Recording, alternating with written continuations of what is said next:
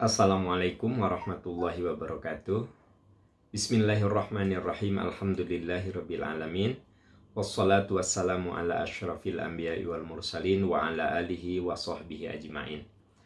Sahabat-sahabat tercinta, dalam diri manusia ada tiga macam dorongan yang sering disebut dengan nafsu.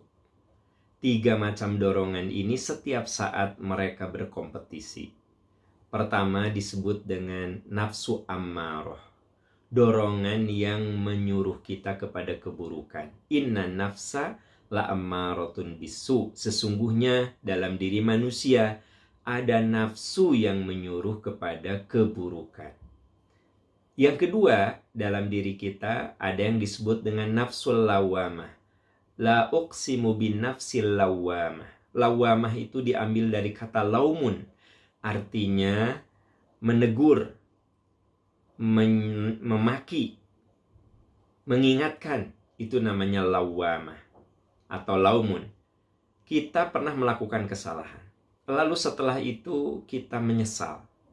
Maka jiwa kita memberikan teguran atas apa yang pernah kita lakukan. Pernahkah ibu memarahi anak.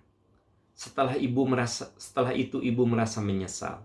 Kenapa aku setajam itu bicara sama anak? Nah, ini namanya nafsu lawama. Nafsu kita mengingatkan bahwa apa yang kita lakukan itu salah. Pernahkah kita melalaikan sholat?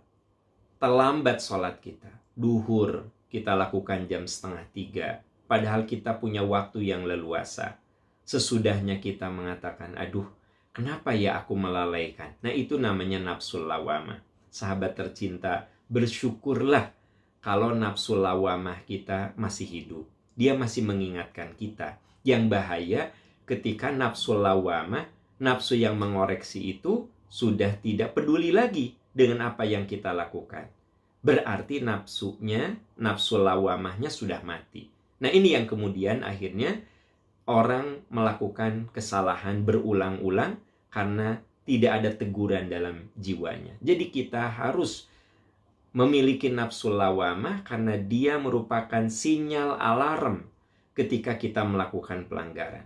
Dan yang ketiga, dalam diri manusia ada nafsu mutmainnah, dorongan untuk melakukan kebaikan. Setiap saat dalam diri kita, tiga nafsu ini selalu bersaing Pernahkah sahabat-sahabat mau tidur berniat untuk tahajud dan Anda pasang alarm jam 3 pagi? Begitu Anda bangun, lalu ada bisikan, 5 menit lagi biar segar. Dan ternyata Anda ngikutin bisikan itu, tidur lagi. Ternyata pas adzan subuh baru bangun. Maka begitu bangun Anda katakan, kenapa aku harus tidur 5 menit lagi? sehingga akhirnya sholat tahajud terlewatkan. Nah itu namanya nafsul lawamah. Jadi ketika mau tidur kita niat tahajud itu mutmainnah dorongan baik. Ketika kita bangun tidur dan ada bisikan 5 menit lagi biar segar, itu nafsu amarah yang menyuruh kita kepada keburukan.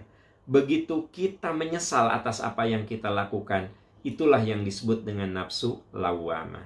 Nafsu yang mengingatkan. Sahabat tercinta, mari kita jadikan Ramadan yang kita jalani ini menjadi sarana untuk mengasah nafsu mutmainnah dan lawamah. Nafsu yang menyuruh kepada kebaikan. Kita ikutin terus dorongan-dorongan baik.